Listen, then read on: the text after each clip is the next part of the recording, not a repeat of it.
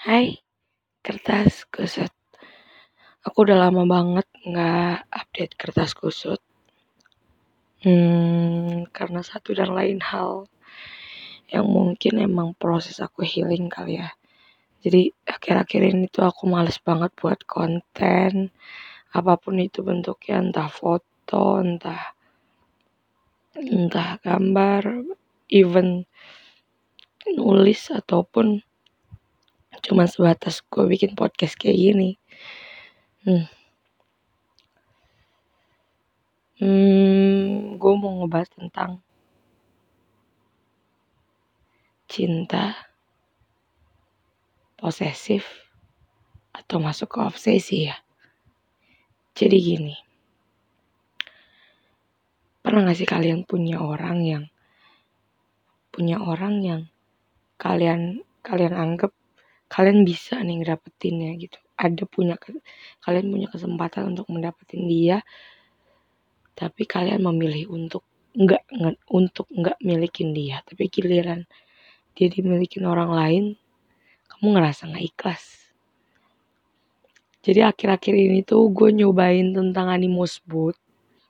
Itu loh yang di telegram ngobrol dengan random people yang sebenarnya awal-awalnya bakal nanya cewek cowok gitu-gitu kan. Akhirnya gue nanya soal ini ke beberapa orang. Dan jawabannya berbeda. Bener banget ketika eh, apa ya umur juga mempengaruhi pikiran ya. Jadi ada yang eh, gue nanya kedua orang sih. Dia tahun 91 lahir tahun 91 sama yang di 2000 eh yang sekarangnya umur 19 tahun. Kontras banget perbedaan pemikirannya. Jadi yang menurut 2000 eh yang menurut 91 berarti berapa? 29 tahun. Eh 30 30 tahun. Wow. Kepala tiga itu kayak yang ya udah biasa aja ya mungkin emang emang perasaan suka tapi ya udah biasa aja gitu nggak nggak bakal ada pemikiran di mana kita ngerasa iri atau ngerasa ngerasa sakit saat dia dimiliki orang lain. Soalnya ketika di umur segitu tuh kayak yang ntar juga ada lagi. Kata dia kayak gitu. Tapi kalau dari umur yang 19 ini dia ngomong ya itu kamu naksir. Kamu punya perasaan ke dia tapi entah gengsi entah telat untuk mengungkapkannya.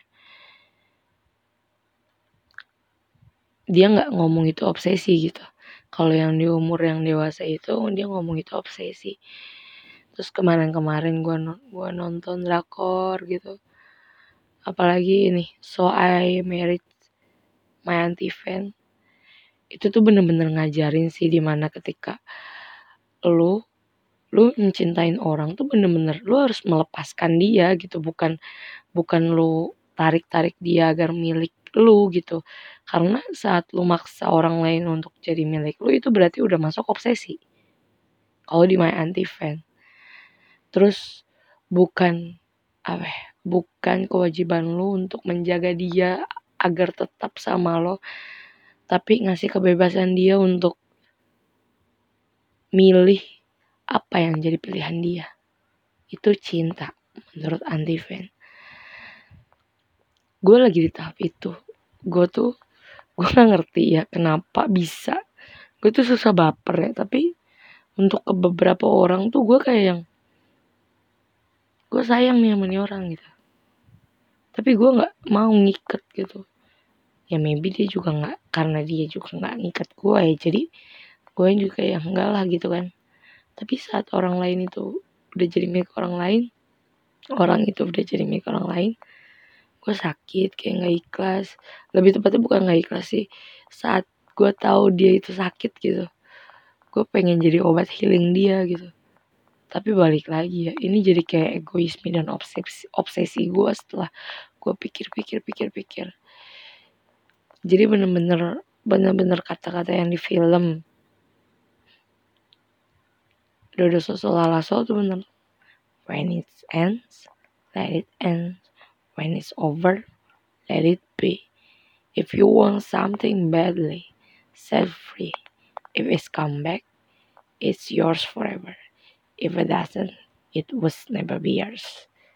Jadi kalau orang ya cuma lewat seberapa seberapa lama pun misalnya tiga bu tiga tiga tahun empat tahun even delapan tahun kayak sepupu gua kalau dia emang cabut ya berarti emang dari awal tuh orang itu bukan orangnya lu.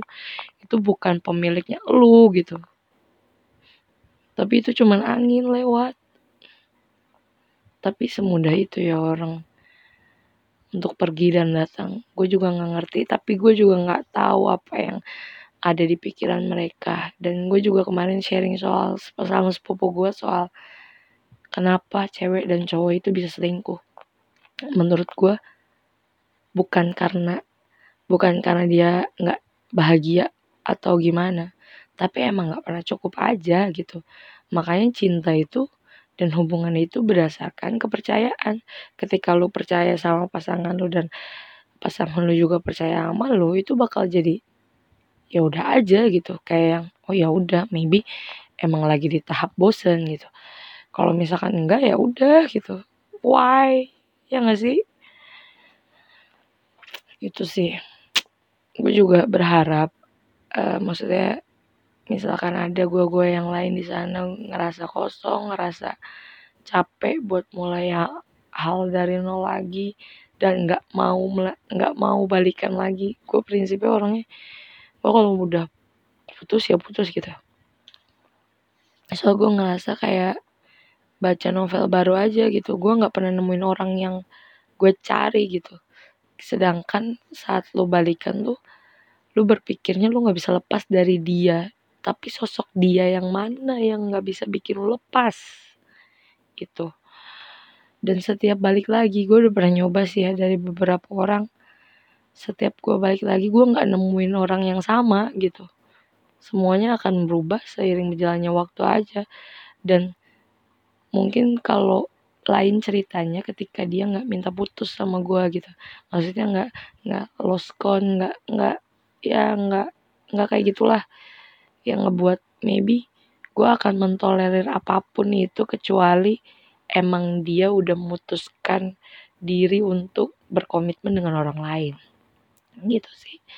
Gue harap kalau ada gue yang di sana ya maybe sekarang ini waktunya lu untuk mengeksplor diri lo sendiri, mencari tahu sebenarnya apa yang diinginin sama diri lo, yang ingin yang ingin lo capai kayak gimana, yang maybe bakal ada fokus lain yang bisa jadi